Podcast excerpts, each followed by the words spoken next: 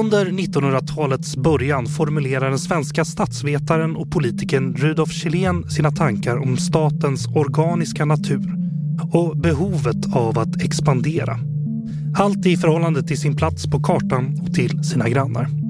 Han kallar det för geopolitik, en analys som vi använder än idag och som ännu en gång blivit högaktuell. Men hur står sig den geopolitiska analysen i förhållande till andra sätt att se världen? Vad spelar det för roll vad vi har för utgångspunkt när vi ska beskriva relationer mellan olika stater? Och kan Chilens idéer användas som ursäkt för att invadera sina grannar?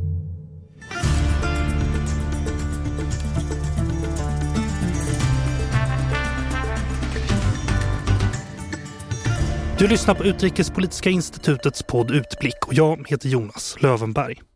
I det här avsnittet ska vi prata om olika sätt att analysera hur världen och internationell politik fungerar och med begreppet geopolitik som utgångspunkt. Och för att hjälpa mig och er att förstå det här bättre har jag med mig Rosbe Parsi, programchef vid Mellanöstern och Nordafrika-programmet på Utrikespolitiska institutet. Välkommen tillbaka till Utblick Rosbe. Tack så mycket. Och Andres Rivarola, professor i Latinamerikastudier och docent i ekonomisk historia vid Stockholms universitet. Välkommen tillbaka du med Andres. Tack, tack. Och till att börja med, om ni skulle få frågan om att skriva en inlaga i en ordbok om vad begreppet geopolitik betyder, vad, vad skulle ni skriva då, Andres? Det är statens territoriella dimension. Så enkelt? Ja. ja du vill ju ha en kort. Rosberg, kan inte du lägga till något där? Jag skulle säga att det är föreställningar om staters territoriella dimension som ett öde. Som ett öde, oj. Ja. ja det, blir det växer och växer. Ja, men vad, vad spännande. Men vad är inte geopolitik då, Rosberg? Eftersom jag tycker vi borde skilja lite grann här då på hur folk har använt sig av begreppet mm. när de har försökt rättfärdiga sin politik. Så dels har vi det och dels har vi då studiet av just de föreställningarna. Bra, det är det här vi vill veta. Och då kan man mm. säga att i det avseendet så finns det ingenting som inte kan ingå i geopolitik. Okej. Okay. Utan geopolitik är någonstans i spännvidden mellan den politiska och kulturella fantasin. Mm -hmm. Det finns ju många thrillers och actionfilmer och allt möjligt som har som någon sorts tunn fernissa av rättfärdigande för allt sitt pangande någon geopolitisk intrig. Kan vi få ett exempel? Ja, ta varenda James Bond-film som finns.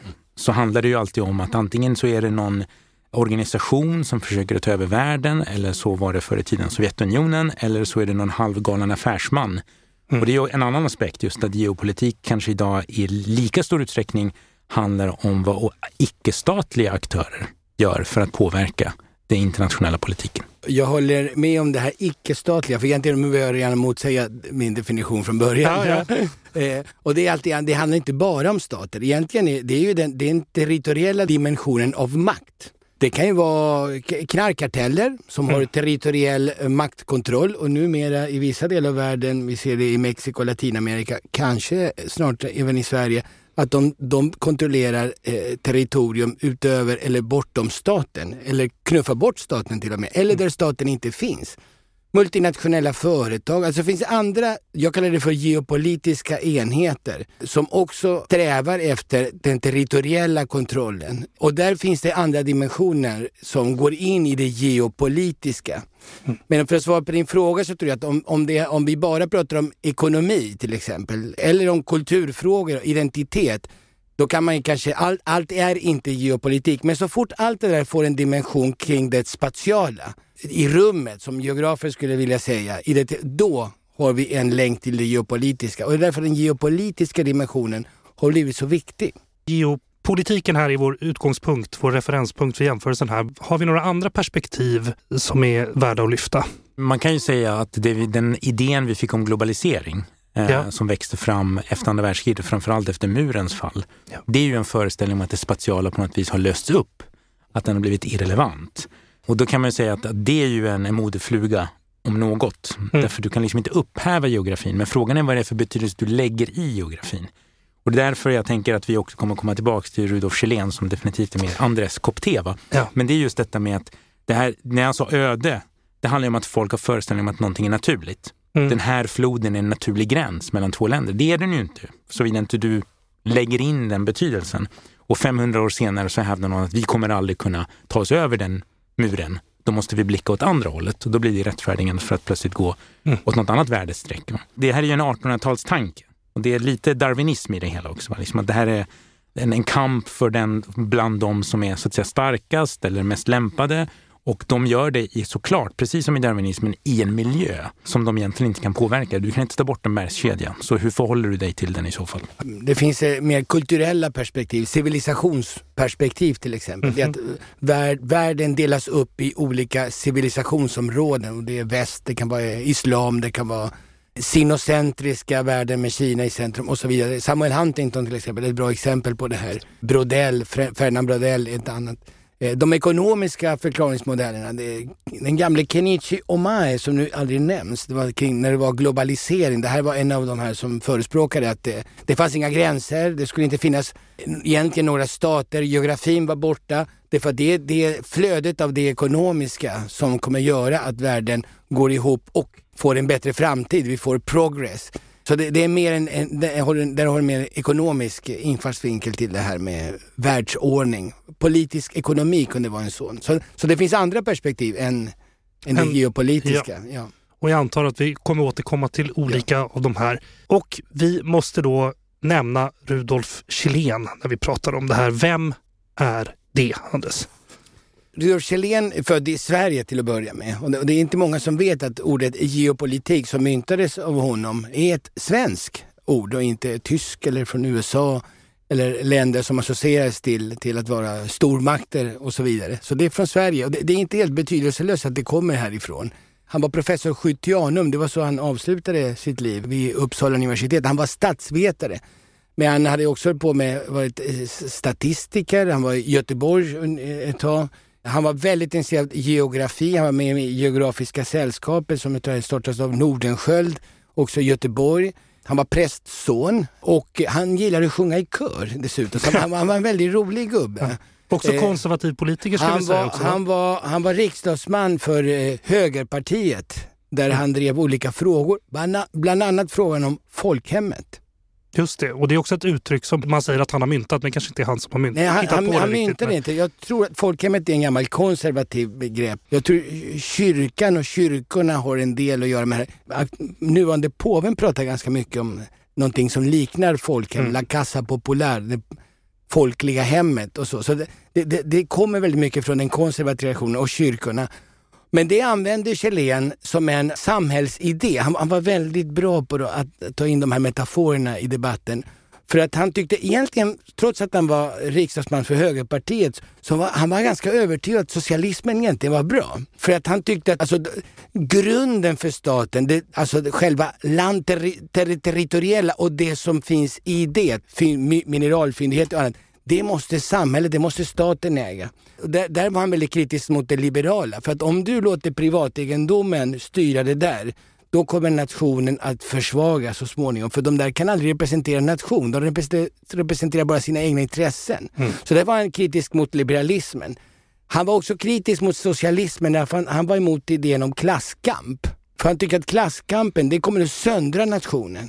Och om du söndrar nationen, då då kommer du att vara svagare i det internationella systemet. Andra kommer att ta över dina intressen. Du kommer inte kunna hävda dig och du kommer sakna det vi idag skulle kalla för autonomi. Ett begrepp som nu används av EU bland annat. Mm. Och därför tyckte han att folkhemmet var ett bättre koncept. För då, då tog du bort den här klasskampstanken. Och det tog ju sen Socialdemokraterna till sig. Just det, och hans lösning på socialistiskt eh, land var väl den nationalsocialistiska idén också, eller hur? Ja, och där fick han in sina, de här två begreppen. Ja. Både idén om en nation som skulle då förena den folk som bodde i ett visst territorium som ingick i riket, eller staten. För att kunna få ihop den nationen, då måste du ha en national idé. Socialismen var bra, för det var ett starkt ord som förde gemenskap mellan folk och nation och landet, territoriumet, alltså kringstaten. Så det var, jag tror det var nog så han tänkte mer nationalsocialistiska, mm. folk hem. Men det där är långt från vad sen nazisterna tog, gjorde av det. Precis, jag vill säga att han, han, han dör 1922 också så att han fick inte ens se vad som hände med det här begreppet Nej. egentligen. Sen. En annan viktig sak här då, vi pratar om hur, hur, hur såg Chilen på en stat? Ja, först vill jag faktiskt säga ja. att eh, experterna kring det här, mm. jag kan lite om Chilen, men, men det finns en bok som heter Rudolf Kjellén, Geopolitiken och konservativismen och redaktörerna här är Bert Edström, Ragnar Björk och Thomas Lundén. Det här tror jag det är de stora experterna i Sverige kring jag, jag rekommenderar varmt den här boken. Det finns på svenska och det finns också en, en på engelska kring det här för de som vill eh, kanske gå in lite djupare i det här. Vi ska påminna om dem i slutet av avsnittet ja, igen. Okay. Ja, men... Jättebra. Men eh, Kjellén var professor i statsvetenskap och notera att vi på, i, på svenska med ordet statsvetenskap och inte som på engelska political science. Det är för att staten var ett centralt så att säga, intresseobjekt för statsvetarna på den här tiden. Och eh, vad han ville egentligen göra, det var en teori om staten. Någonstans så fanns det här, du måste tänka, sätta oss i tiden. Det här är liksom slutet på 1800-talet, början på 1900-talet, Sverige-Norge-splittringen. Tidigare så hade Sverige förlorat eh, Finland, det där satte fortfarande sina spår i, i samhället. Sverige var en semi-industrialiserat land i, i periferin egentligen. Stormakten runt omkring Sverige, Ryssland, Storbritannien, USA på andra sidan. Man såg Sverige egentligen som en svag nationalstat som hade en jätteemigration. Alltså, kring 20 procent av Sveriges befolkning emigrerade. Det var kris, det var hungersnöd i Sverige, sjukdomar. Så att hur gör man för att skapa en stad som är, idag skulle vi säga resilient? Hur gör man för att av en mindre stad skapa något som kan bli starkare i det internationella, som kan hävda sig, få mer autonomi för de, de egna intressen? Och där började Kjellén utveckla en teori om staten och statens olika dimensioner. Så här fanns till exempel en ekonomisk dimension, så han pratade om ekonomisk politik. Det fanns en identitetspolitik, det skulle kunna vara en, en kulturell politik, en nationalism skulle kunna gå in i den biten. Så det fanns flera dimensioner och en av dem handlade om statens territoriella dimension som han kallade för geopolitik. Och det är den som sen, så att säga, inte med Kjelléns vilja, det är den som har fått ett eget liv. Mm, just det, och det är den vi pratar om här. Ja. Jag har några frågor till om Kjellén här för att det är intressant. Han, han såg på sig själv som en botanist har jag läst, att han var en oberoende observatör av naturliga skeenden. Och ni båda är ju historiker. Alltså, hur ställer ni till, ställer ni till ett sånt perspektiv när, för en sån här global eh, analys? Går det att vara oberoende, ställa sig utanför och bara titta på och hävda att det är av naturen allting? Vad, vad säger du, Rosberg? Nej, men jag skulle säga vetenskapshistoriskt så är den inställning som på något vis kommer ur två viktiga spår från 17 och framförallt 1800-talet och det är ju idén om det vetenskapliga. Mm. Där naturvetenskapen är så att säga modellen som även samhällsvetenskapen när de väl utvecklas ska hålla sig till och det innebär att den är lagbunden, du är en observatör och det du observerar kan inte påverkas av dig för den lever sitt eget liv. Så där har vi dels det vetenskapliga och sen så har vi också det här biologistiska som då kommer från Darwin och andra, nämligen att det här är en det är en kamp om begränsade resurser i ett begränsat utrymme. Och mm. den som är bäst lämpad i, i miljön vid varje given tidpunkt är den som har lättast att hävda sig. Och då blir så att säga Chilen och alla andra, de blir just eh, personer med små förstoringsglas som ska kolla vad det är som händer. Men deras egna föreställningar har så att säga ingen påverkan på objektet som de studerar. Det så att säga, köper inte de flesta av oss idag. Nej. Därför att vi är inte vi sysslar inte med lagbunden vetenskap, det är det första. Och det andra är att vi är också mycket mer smärtsamt medvetna om hur mycket våra egna värderingar och föreställningar har hjälpt till att skapa det som vi sen kallar vetenskap och även påverka det vi tror att vi studerar. Så vi är inte utanför det vi studerar. Nej, men för om man har den här inställningen till något att det är av naturen, skulle inte det kunna skapa argument för att handla på olika sätt? Att det blir självklart att jag har rätt att göra det här eller självklart att du pratade om de här bergskedjorna förut. Att det har stopp här så vi får vända. Och vi måste gå åt andra hållet för vi måste ha mer plats till exempel. Och så där. Absolut, så det är, man kan säga att det både så att säga, rättfärdigar och gör det lättare att undandra sig ansvar för det man faktiskt gör. Mm. Och, och, där kommer också nationalismen in. Det vill säga att här man ger uttryck för en nation. Alla nationer har sina säregna egenskaper och de har en livsvilja. Och mm. den livsviljan kan man så att säga odla eller förslösa. och med den livsviljan så kan man då hävda sig mot andra. Och är man inte bra på det, då går man under och då blir man en fossil som någon kan titta på om 200 år som historiker. Men du kan inte studera som antropolog, för det finns inte kvar i levande form.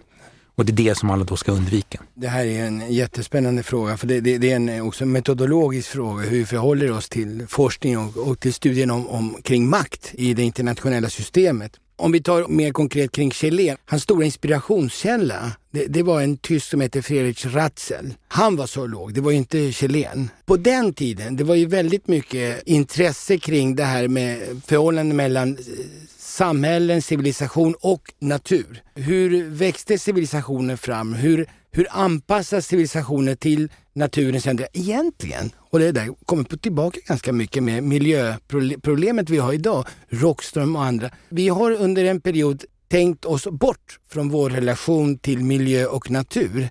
Med den krisen vi lever i idag så kan vi inte göra det om inte vi anpassar oss till de här yttre förhållanden som egentligen är inre förhållanden också. Då kommer vi att dö som civilisation.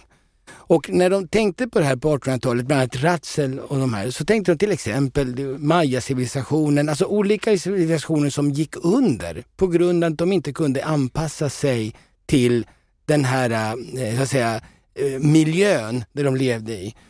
Sådana saker om antropologi skrev väldigt mycket Ratzel.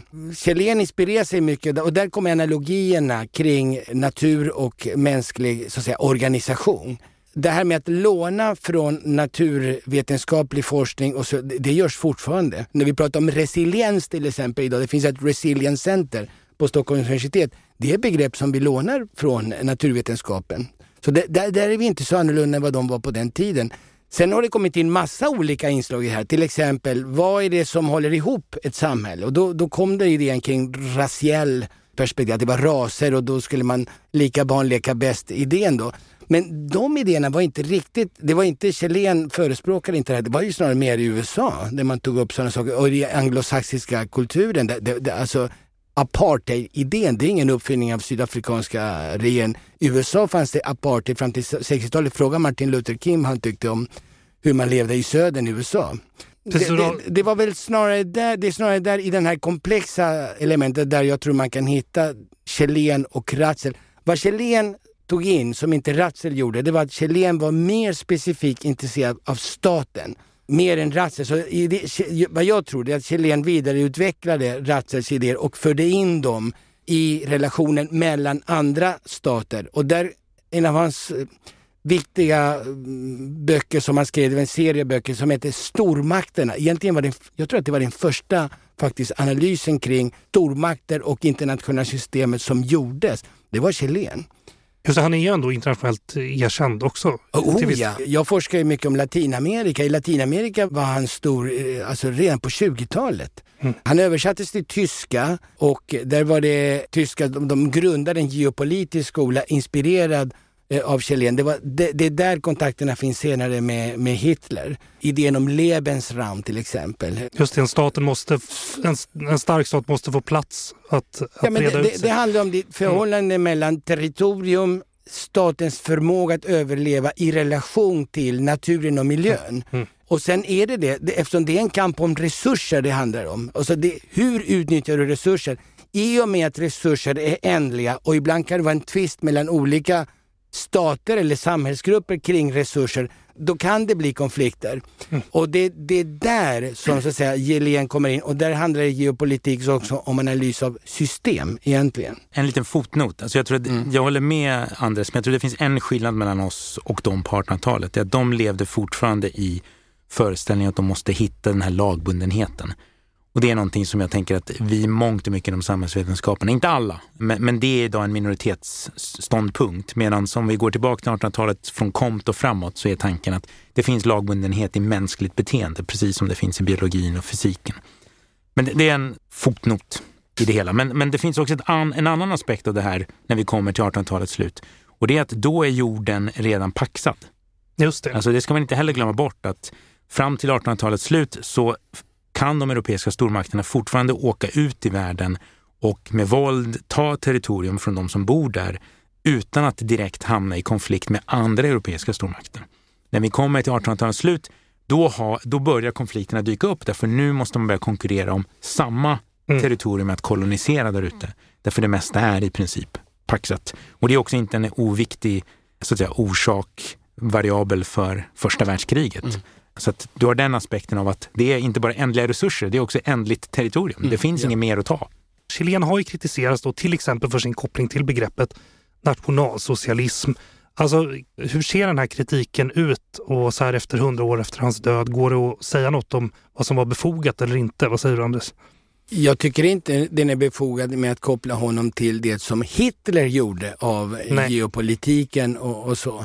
Det tycker jag inte. Så att egentligen tycker jag att hans idé om nationalsocialism, den är inte så konstig egentligen. Alltså det, det, det, handlar om socialism kring idéer. Alltså Palme sa att han var socialist och skulle verka för socialismen. Så socialism som en idé av en eh, så att säga, samhällsägande, gemensamt ägande för att få ihop resurser till, till vad man kan tro, de kunde tro var en bättre användning. Och en nation för att få folket att höra samman kring gemensamma mål och värderingar. Men det kan, de målen det, det, skiljer sig från olika samhällen. Det kan vara demokrati, det kan vara andra saker också. Så att eh, i sig så tror inte jag det är fel. Det är väl hur man tolkar de begreppen och vad man gör av dem som, som men, det blir Men om vi tar vad finns det mer för kritik mot Chilen För han, har ju, eh, han är ju omdiskuterad och illa omtyckt av, av vissa. Hans efterföljare Gutianum professor, jag kommer inte ihåg vad han hette, förkastade väl Chilen till exempel. Ja, Ting, Herbert Tingsten sa att, det, att det, geopolitik var humbug. Borgen Todd till exempel, som var en, en viktig tänkare från, han var ursprungligen från Östeuropa men var aktiv i USA. Han tyckte väldigt illa om geopolitik. Han tyckte att det där var nonsens. Och så så det, det har funnits jättemycket kritik. Men jag tror att det mesta är faktiskt det som kom som ett resultat av andra världskriget där eh, geopolitiken alltså associerar till Karl Haushofer till exempel, som var en ledande geopolitiker i Tyskland. Han, han inspirerade sig väldigt mycket kring Chilen. Han bröt ju med Hitler. Haushofers son dödades av Hitler. Han sköts. Han var med i attentatet mot Hitler. Det var inte liksom att, att, de, att de var så att säga, eniga i, ens bland nazisterna kring, kring det här. Så det där blev väldigt starkt efter, efter andra världskriget. Nu har det ändrats och nu använder alla ordet geopolitik på många olika sätt. Så att mm. konceptet har kommit tillbaka rejält skulle jag vilja säga. Mm. Och vi kommer till det. För en annan sån här sak vi ska ta upp då. 91 så kollapsade Sovjet och det såg ut som att ena sidan hade vunnit, den liberala demokratin tillsammans med kapitalismen. Kampen mellan de här statsorganismerna, som väl kanske Chilen hade uttryckt det, var över. Och det har kallats the end of history. Det har ju hänt förut. Och varför då till att börja med, Rosberg? Ja, men det är väl eh, väldigt mycket associerat med Francis Fukuyama som skrev en Just bok det. om detta. Och där är ju, man kan säga att han är inte marxist, men han, han går tillbaka till Hegel i alla fall och pratar om, man kan prata om en dialektik, det vill säga vi pratar om att här finns två system som på något vis sporrar varandra.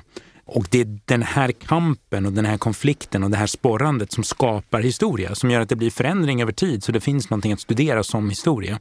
Och om så utifrån det relativt smala sättet att förstå historia, då kan man säga att ja, men om det ena hjulet på den här cykeln inte längre finns där, då finns det så att säga ingenting mer att göra. Det hjulet som har vunnit, det vill säga kapitalismen som system, mm. som organiserande princip för ekonomi och samhällen och den demokrati som man då associerade med kapitalismen, den har då så att säga ingen yttre fiende som den längre behöver skärpa sig mot. Och då är det det här som gäller, it's the only game in town.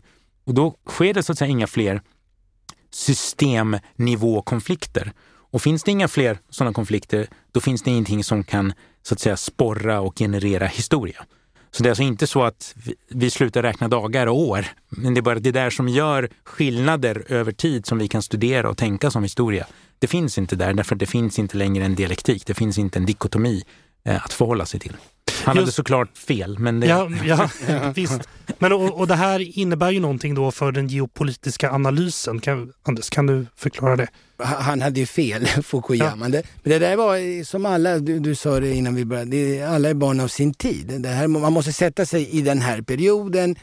Eh, Berlinmuren faller, Sovjetunionen försvinner Och, och, det var väl någon idé av uh, lite dryg tanke om att nu är det liberalismen, demokrati och marknadsekonomi, att inte glömma. Mm. Det är det som kommer, och där, det fanns en lagbundenhet i det här. Om man tittar vad gör att eh, vänder, eh, vissa länder blir rika och andra blir fattiga? Jo, om du är en demokrati och inför marknadsekonomi och går in på den liberala vägen, då kommer du bli, ja, som Sverige. Eller mm. som eh, Holland eller som eh, England. Och det, det, var, det var lite den tanken som spreds världen runt. Det här är modellerna, gå efter den. Och om vi liberaliserar handeln i världen, då hade, vi skapat, eh, då hade man skapat världshandelsorganisationen, WTO. Kom ihåg det, det var jättestarkt och det skulle finnas en, en, en, en värld utan tullar. Det var också en väg till framgång och till mm. välstånd. Så det, var, det är i den linjen som Fukuyama kommer in med det här med, med slutet på historien, som inte är hans idé, det är en hegeliansk idé. Så ja. alla tar för någon annan så att säga. Eh, men, eh, men det visar sig vara en fantasi. Men, men jag bara, bara för att förhålla det till geopolitiken, det innebär ja. då att den här kampen som geopolitiken implicerar, ja. den upphör där då när kartan är ritad, alla handlar med varann, det blir demokrati. Ja, men det, det, var, det var Fukuyama skulle vilja ja, ja, visst, se. Absolut. Eh, det finns ingen geografi längre. Konichi Mai hävdade samma sak. Det finns inga, det finns inga gränser och då, då har du ingen behov av, av geografin och geopolitiken. Nej. Det som styr det är geoekonomin i så fall, mm. eller det ekonomisk-politiska. Men, men det visar sig inte vara så. Alltså verk, verkligheten inte ens då var riktigt så. Ni blev ju klara på universitetet före jag blev det. men, men för vad är det, 15 år sedan när jag läste mina första statskurser, då fick jag ju också höra att det har aldrig varit krig mellan demokratiska stater och att man började titta lite på Kina och tyckte det var underligt att det gick så bra där. Det var ju inte en demokrati. Och sådär. Så att det här är ju egentligen inte så, inte så gammalt, alltså att, att det inte riktigt har gått som Fukuyama hade tänkt sig. Liksom. En av mina husgudar, Reinhard Koselleck, som är begreppshistoriker, uttryckte det en gång som så att det är bara förlorarna som måste lära sig av historien. Okay. Eh, och då kan man säga att i det här fallet vad som händer är ju att, att den här triumfatoriska liksom, tanken den gör att man kan sväva iväg utan att egentligen fundera på hur världen faktiskt såg ut. Mm. Därför att ett, ett annat problem med, med, alltså vad vi pratar om är ju inte att plötsligt blev hela världen kapitalistisk. Men det är bara på systemnivå så finns det inga utmaningar längre.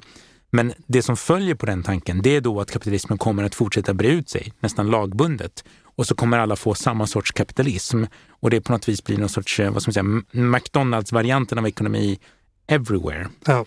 Den kommer se och smaka likadant ut överallt. Och det är ju egentligen en, en helt absurd tanke för att den fungerar bara på någon sorts filosofiskt plan Därför att verkligheten och förutsättningarna är så extremt olika på alla ställen så att Precis, det är svårt att se hur det skulle gå till. Vi ska inte prata ja. bara om Ryssland men menar, det gick ju inte så bra Nej. att importera en, en västerländsk kapitalism till Ryssland när när det skulle hända. Men okej, okay, då verkar det som att historien har börjat om igen då. Eller börjat rulla igen, om vi nu ska förhålla oss till Fukuyama. Och vi har ju flera skeenden som skulle gå att applicera Chilens förklaringsmodell på här. Vad, kan vi få några samtida exempel på där liksom det geopolitiska synsättet är användbart? Ja, men jag skulle säga så här att ett, historien stannade aldrig, geopolitiken slutade aldrig. Nej, men det är, Utan, men, men, nej, men det är rätt viktigt därför ja. att när vi så återupptar begrepp av det här slaget så får de ibland den här den nyvaknade entusiasmen eh, därför att alla har upptäckt det. Men du vet, jag menar, i, i stora delar av världen så har geopolitiken aldrig slutat. Eh, därför att de har befunnit sig i beroendeställning till större makter eller att de har varit helt utsatta för större makters så att säga, övergrepp rent ut sagt. Så att för dem tror jag inte det finns lika var mycket variation som vi tycker oss se därför att vi trodde att den liksom hade avstannat. Så jag tror att vad vi framförallt ser nu, det är att geografin spelar visst roll. Därför att distributionskedjor och andra typer av så att säga, logistik är inte bara beroende av vad som är det billigaste sättet att frakta någonting. Det är också beroende av att det finns en politisk vilja att släppa igenom det. Och vad vi ser nu kanske på systemisk nivå på ett sätt som vi inte sett sedan Sovjetunionens fall, det är att det finns en konkurrent till USA. Och den konkurrenten, skulle jag i alla fall hävda, har inte alls med ideologi att göra egentligen. Utan den konkurrensen har mycket mer att göra med ren, skär maktpolitik. Och då blir det geopolitik så att säga, snarare än att det är en ideologisk kamp. Så det är där vi kan skilja till exempel från Clash of Civilizations eller det är kommunism mot kapitalism. Nu är Kina förvisso kommunistiskt, men jag tror inte det som är den drivande kraften i, i Kinas maktutövning. Eh, jag tror att hade, vi kan göra tankeexperimentet att Kina hade varit demokratiskt. Jag tror de hade hamnat i konflikt med USA ändå. Därför att det, är inte, det som så att säga driver de här länderna, alla, inklusive USA, är inte den ideologin. De har en självbild som kan vara ideologisk, men det är inte det som gör att de hamnar i konflikt eller inte med någon annan. Utan då har det att göra med den här typen av konkurrenser som delvis har med geopolitik att göra. Ah, ja, det var en jättebra analys. jag, håller, jag håller helt med. Nej, men det, det, det, är klart. det är därför vi ska inte släppa det här med att lära oss om, om Chilen och andra. Och sen ska vi eh, ta bort de saker som är, jag förstår av sin tid, som inte är tillämpbara idag. De delar på, eh, det var inte riktigt han, men andra som kanske har rasbiologi, det kan vi ju släppa. Men, men det finns ju andra saker som jag tror vi kan ta till oss. Det behöver inte vara så att vi upptäcker hjulet varje gång på nytt, utan vi kan faktiskt få en kontinuitet i tänkande. Tänkande är en sån där som man bygger upp med tiden, så man måste alltid ta tillvara det som fanns för att kunna bygga vidare. Och det tror jag är med geopolitiken som med allt annat. Där tror jag att det är, det är absolut tillämpbart idag, för att ta några konkreta exempel. Alltså, en, en del av Kjellens politik, det var inte, han skrev ju om stormakterna. Alltså, du kan ju inte förstå det globala systemet. Han pratar inte i de termerna, det gör vi mer idag, kring globalt system. Men du kan inte förstå det, det globala. Han kallar sig för den planetariska professorn. För, för han, han, ville förstå hur vägnen, världen hängde ihop. Så han, var jätte, han skrev om Japan, de var jätteintresserade av Kina, Japan, av Indien, av Amerika. Amer, Panamerikanismen, det var någonting som de verkligen tittade på han och tyskarna framförallt. Och tyskarna var jätteintresserade av det här för att de ville hur kunde Tyskland i mitten av Europa kunna hävda sig mot de globala imperierna England och Frankrike? Och de såg redan att USA var på väg. USA hade tagit över eh, delar av eh, Karibien, det var Kuba, eh, expansionen tog över en tredjedel av Mexiko, USA hade tagit över Filippinerna. Alltså USA bredde ut sig som en imperial republik. Fanns i Liberia, i Afrika och så vidare. Så vad gör man då i mitten av Europa när man inte har tillgång till de här resurserna för att kunna skapa sig sin autonomi? Där kommer livsutrymmet in, mm, eh, Lebensraum. Hur kan du hävda dig i den här konkurrensen? Ja, ett sätt. Industrialiseringen var ett sätt, men för industrialisering behöver du resurser. För att kunna då skapa också skala, vilket industrialisering behöver. Du behöver marknader också så måste du gå ihop. Så att integration var en jätteviktig del i det här. Mitteleuropa pratade tyskarna och andra om i Centraleuropa. Och den idén har ju förts vidare till Europa idag. Det är mycket det, en av de saker som driver eh, många som tänker geopolitiskt på Europeiska unionen. Mm. Om de mindre europeiska staterna, för de är mindre jämfört med Kina, USA och Indien. Hur ska de hävda sig i det internationella samhället som vi lever idag? Ja, då behöver vi ett geopolitisk kommission och det är inte jag som säger det, det är van der Leyen som är ordförande i kommissionen. Så att de idéerna är väldigt starka inom EU, för att ta ett exempel mm. från idag. Det finns ett antal sådana internationella organisationer. Vad, vad spelar de för roll i, i den här globala analysen? EU, du säger en, FN och NATO då till exempel. Vad, hur påverkar de det geopolitiska spelet? Ja, enormt. Alltså, FN, det, det, är ju en del av så att säga, grunden till att försöka att efter andra världskriget, första då hade vi The League of Nations, sen kommer Nationernas förbund och sen kommer FN då. Det är ett försök att få till någon form, en arena, en plattform för samverkan i världen. Det behöver man utöver skillnader. Så det är därför vi har FN. Det är någon som säger att om inte FN skulle finnas så skulle vi behöva skapa den igen. Och sen i det där, det är så här, minsta gemensamma nämnare.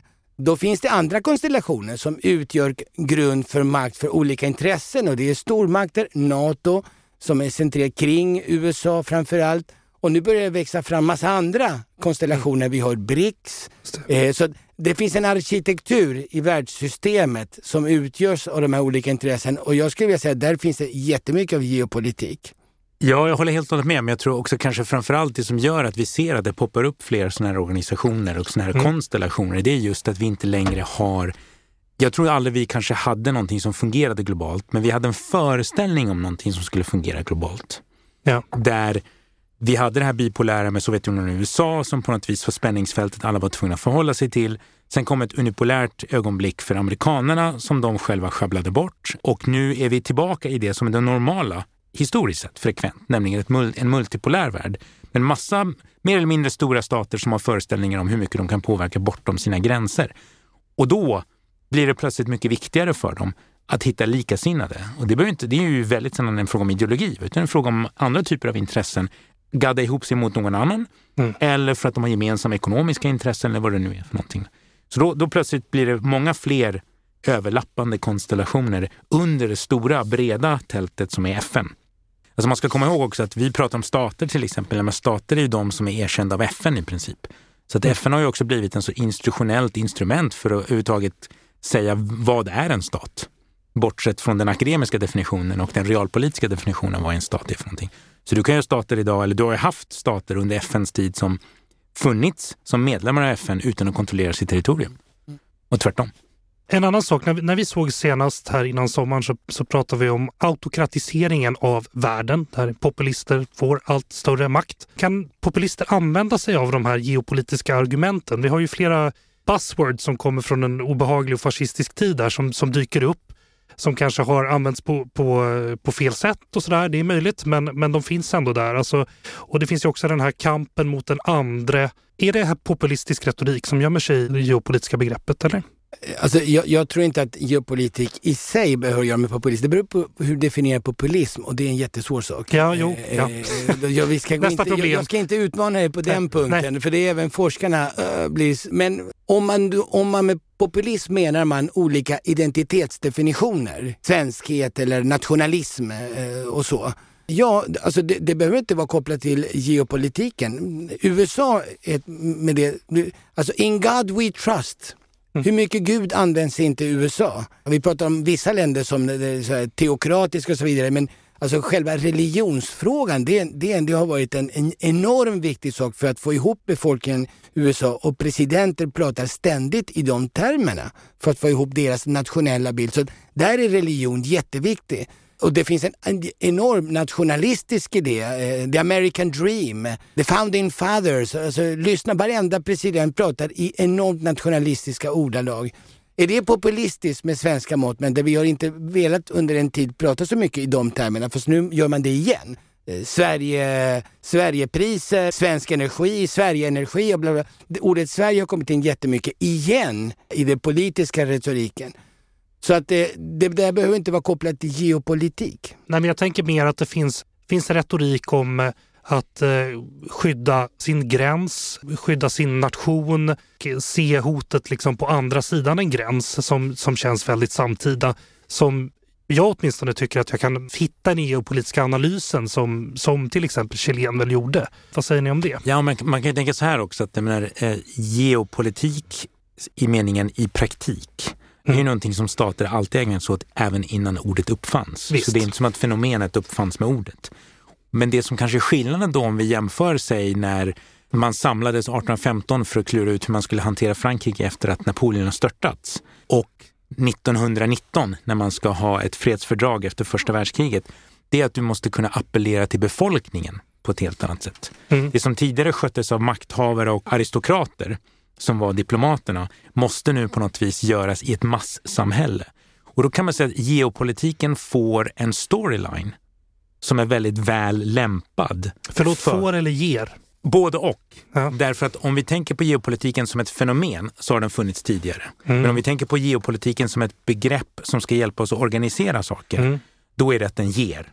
Ja. Men den får också. Ja, ja, och då kan man säga att geopolitik blir ju ett sätt att inordna allting. Det där är våra naturliga gränser. Den där gränsen är inte naturlig, den måste vi göra någonting åt. Vår naturliga enhet är vårt folk. Men vi har en minoritet av oss på andra sidan den där gränsen.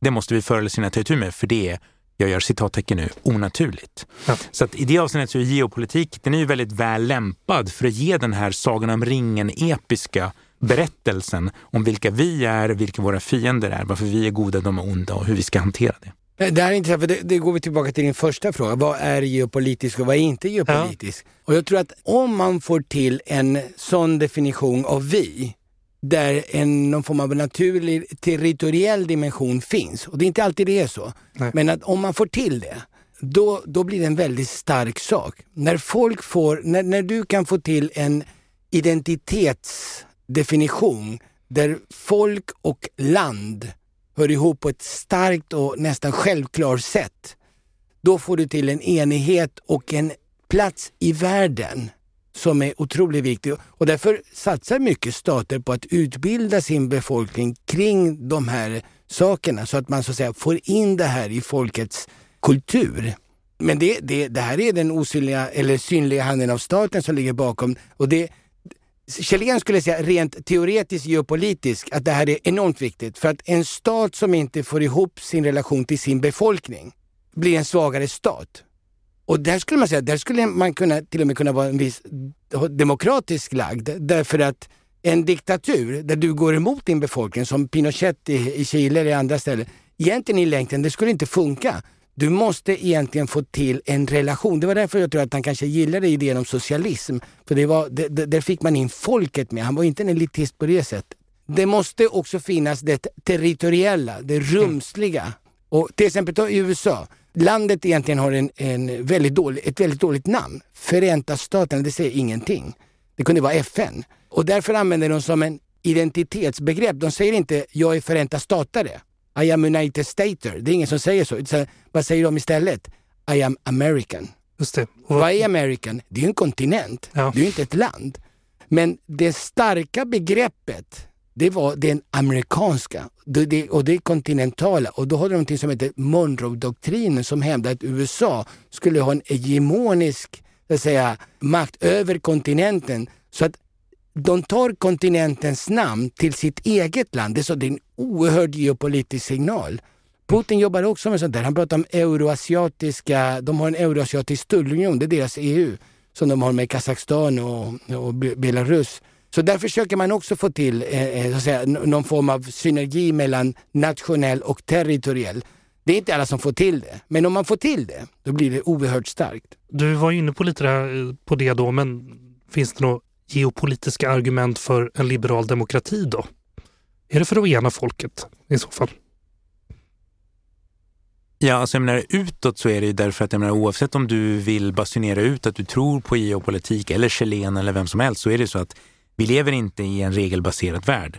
Eh, vi har haft lite regler vid olika tidpunkter, de har inte applicerats konsekvent och man är alltid utsatt för risken att någon kommer bryta mot dem. Så det är inte som att, så att säga, begreppet geopolitik har öppnat Pandoras låda och där fanns det massa ursligheter, utan ursligheterna har funnits hela tiden. Det här handlar om olika sätt att hantera och överleva i en sån värld. Och då kan man säga att man kan betona samarbete och det försöker vi ofta göra eh, och det ska man göra för det tenderar att leda till mindre krig och det är bra.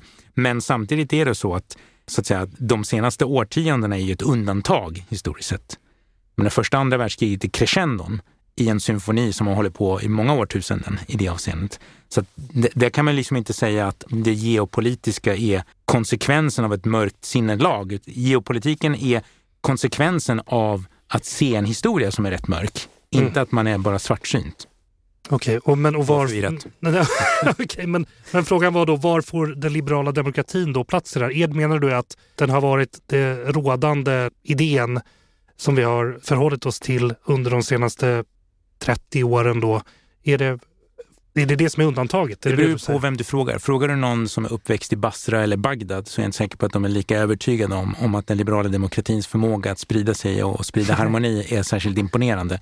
Medan som du tänker Östeuropa under kalla kriget så är det så en region som på grund av hur det tog slut kalla kriget mm. har kunnat lyftas upp ur de diktaturer de var i och mm. den så att säga, ekonomiska undermålighet som de levde i.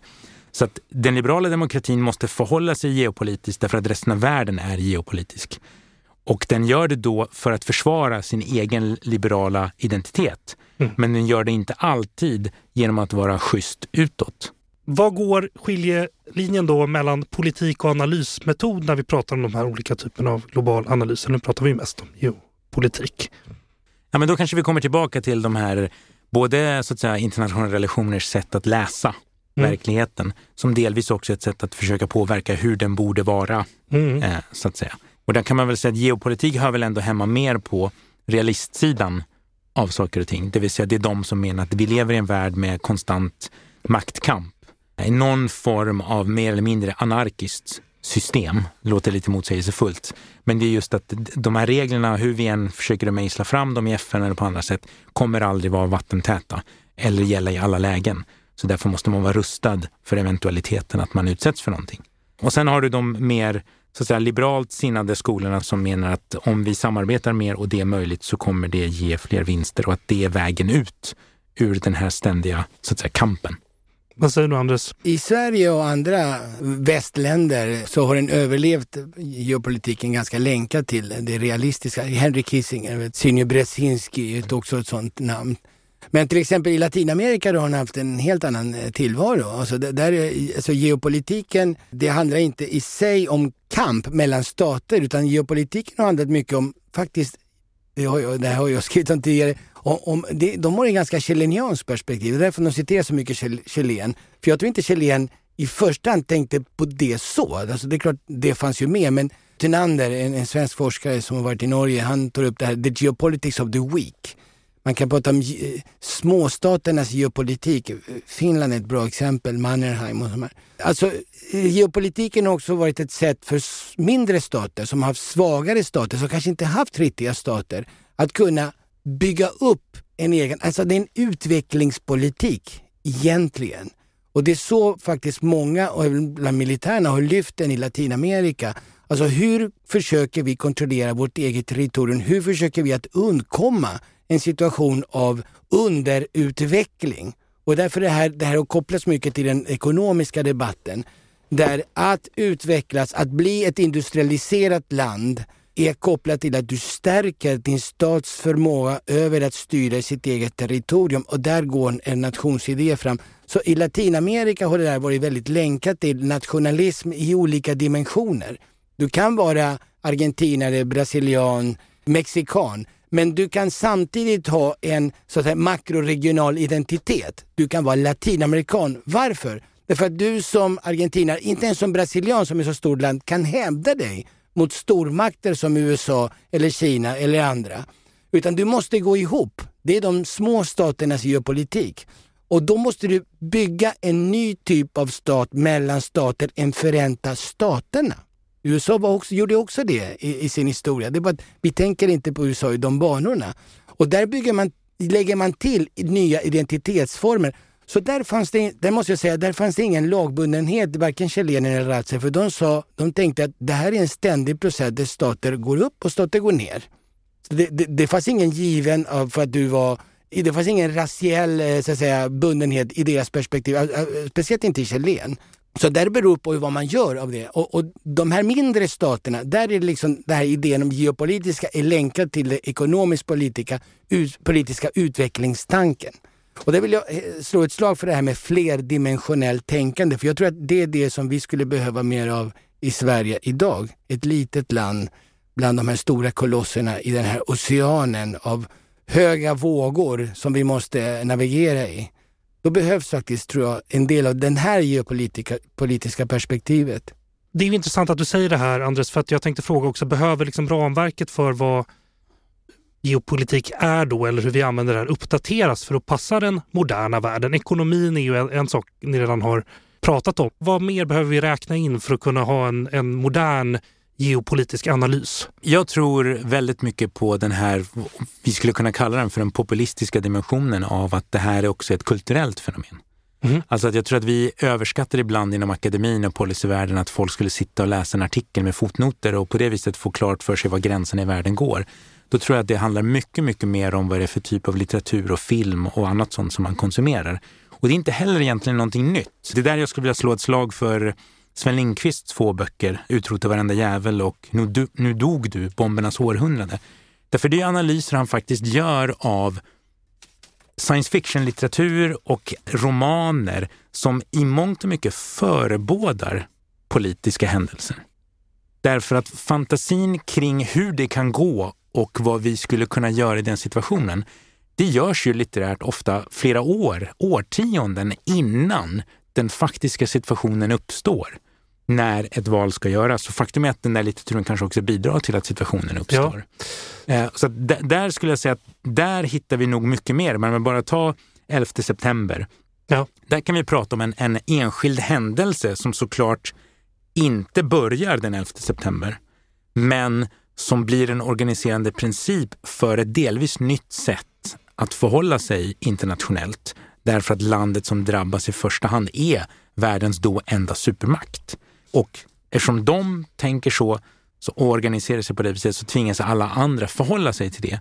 Och det har delvis helt klart geopolitiska konsekvenser.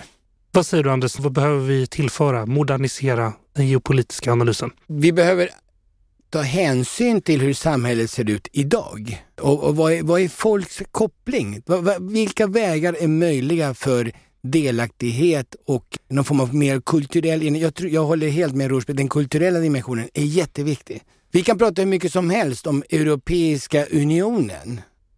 Men om inte vi får till en gemensam identitet, då kommer du inte få till någonting som är jätteviktigt när man ska få till en nationalstat. Och det är en solidaritet. Vi, vi pratar inte ens om ordet längre. Den har försvunnit. Det, det är en sånt ord jag skulle faktiskt använda mycket mer, även för att bemöta gäng kriminalitetsideologin, som handlar om att göra pengar till sig själv och bli rik. Det, det, det, var sånt som Kjellén skulle varit helt emot. Inte bara, inte bara på grund av knarkgängen utan det som en idé, som en, en ideologi. En egocentrisk vinningstanke. Utan nej, få mer en samhällsidé som går utöver de egna intressen. Och det måste skapas.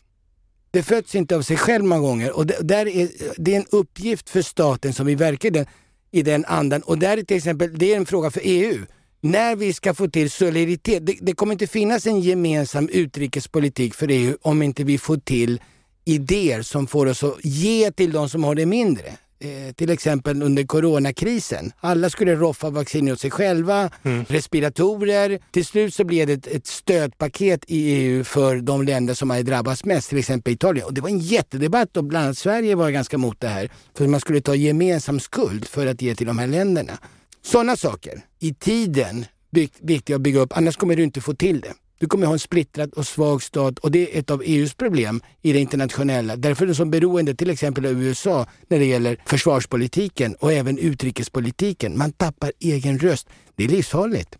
Men vad spännande du säger det, för både då, då är pandemin kanske var splittrande, även om vi, vi då upphandlade väl vaccin och sånt där tillsammans till slut.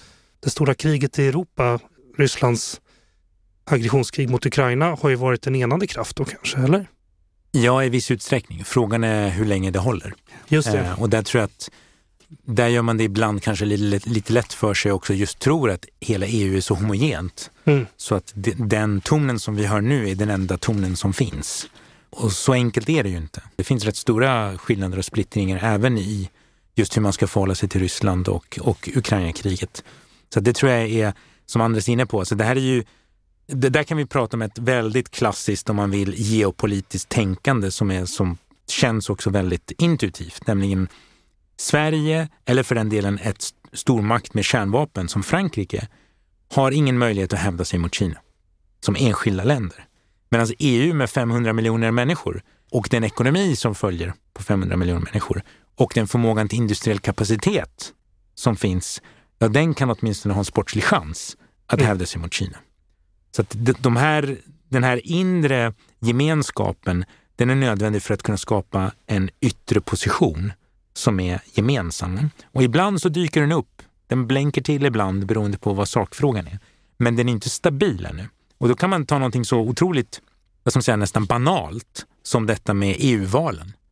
Som de flesta människor i EU inte har någon aning om. De vet inte vilka som är kandidaterna eller vad sakfrågorna är eller någonting. Men de äger rum och genom det får vi ett EU-parlament och den vet folk ännu mindre om. Men det är ändå EU-parlamentet som håller i, i, i penningpåsen i slutändan för vad EU kan göra. Och så att säga, ju sämre kandidaten är man skickar dit för, för att det inte är en prioritet för de politiska partierna, desto mindre möjlighet har EU att, så att säga, skapa en gemensam bild och idé om vad man vill och var man är någonstans.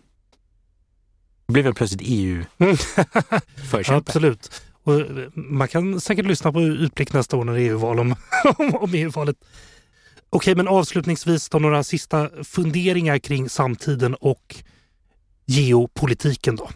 Alltså, eh, egentligen, jag skulle vilja nämna Torsten Hägerstrand, han var professor eh, i geografi i Sverige. Han, han pratade om tillvaroväven, det är han som pratar väldigt mycket om det här uh, flerdimensionella perspektivet. Och det tror jag att vi, vi behöver mycket mer av det här. För att du kan ju se saker i termer av Sverige först, USA först. Du kan ha en, bara geopolitik bara för Sverige. Men det, det, det, skulle vara förödande för Sverige är ju väldigt lite. EU egentligen är lite i det sammanhang vi pratar om globalt. när vi tittar på ett område, då måste du titta också hur det är globalt på andra. Därför att världen har gått ihop och är beroende av varandra, alla olika delar på olika sätt. Om ett eh, stort lastfartyg stannar av i Suezkanalen så hela världshandeln påverkas. Så det måste man se i många dimensioner samtidigt. Det har blivit mycket svårare. Och det är där vi måste se till att få till metoder att, att titta på det. Men vi kan inte undgå att se det globala och det lokala samtidigt. Därför tror jag att den planetariska professorn fortfarande har något att säga. Jag får bara säga, jag tänker att, att kanske risken just nu med det här nya geopolitiska tänkandet eller, eller påstådda geopolitiska tänkandet, det är just att man vill försöka göra sig själv så självtillräcklig och autonom som möjligt. Och det innebär att man snarare börjar kapa de här banden. Så det är ju på sätt och vis en sorts det är inte en antiglobalisering ut, alltså uttryckt som en sådan, men det kan bli en av effekterna. Och den kan så att säga både vara positiv men också säkert väldigt negativ. Ja. Eh, därför det innebär att, att man sluter sig och det är inte bara en fråga om ekonomi och leveranskedjor utan det tror jag också lite grann tyvärr håller på att bli en sorts eh, mental, att man eh, sluter sig liksom i, i sin egen sfär den här typen av geopolitiskt tänkande blir ju en självuppfyllande profetia. Lite grann alla eh, Huntingtons Clash of Civilizations. Det vill säga, tänker man att det här är frontlinjerna och konfrontationsfrågorna, då är det de man börjar förbereda sig för och då är det de man får. Ja, i, I den komplexa tillvaroväven så borde man kunna få ihop att vara Sverige, svensk, att vara nordisk, att vara samtidigt europé och bygga upp en nationsidé där man länkar ihop de här sakerna. För Varför då? Jo, men det är för att du ska kunna hävda dig i ett globalt system. Och det är kanske med en liberal demokrati. Kina hävdar sig med andra redskap. Alla bygger upp på det de har. Och det är där vi måste få i, i det geopolitiska, de nuvarande samhällsstrukturerna och kulturen och så vidare för att kunna bygga upp. Varje gång vi pratar om geopolitik eller de här, den här typen av saker så kommer jag att tänka på en radioreklam som fanns, måste varit ett antal år innan du började studera. Mm. Eh, och då handlar det om en kille som ringer till en pizzeria och beställer en pizza. Och då säger han, okej, okay, men när kommer den? Alltså, då säger de, ja men det tar väl ungefär 20 minuter sen. Men vad då kan ni inte smsa den? Aha. Och det är just den här idén om att allting är tillgängligt. All, allting finns. Du kan få allting på en gång.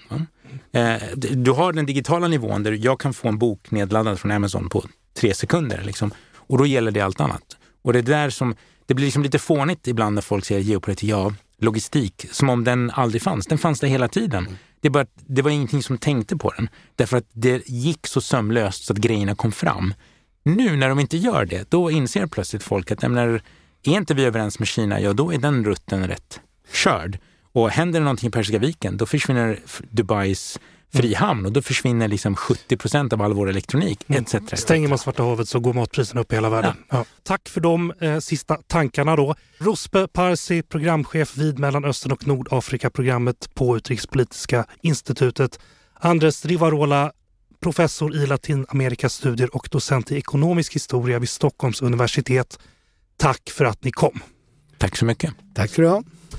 Nu har du lyssnat på Utrikespolitiska institutets podd Utblick. Glöm inte att trycka på prenumerera-knappen i appen där du lyssnar på oss. Vi lovade också påminna om den här boken, Andres. Vad, heter den? Vem har skrivit den? Rudolf Kjellén, Geopolitiken och konservativismen av Bert Edström, Ragnar Björk och Thomas Lundén. Kika på den om ni vill läsa mer om den intressanta herren Rudolf Kjellén i alla fall. Om ni vill veta mer om UVs forskning om världsbevakning, titta in på uv.se. Vår vignett är komponerad av Friden Frid. Vi spelar in hos Red Means Go och i kontrollrummet idag sitter Kyle Rosén. Jag heter Jonas Lövenberg. På återhörande.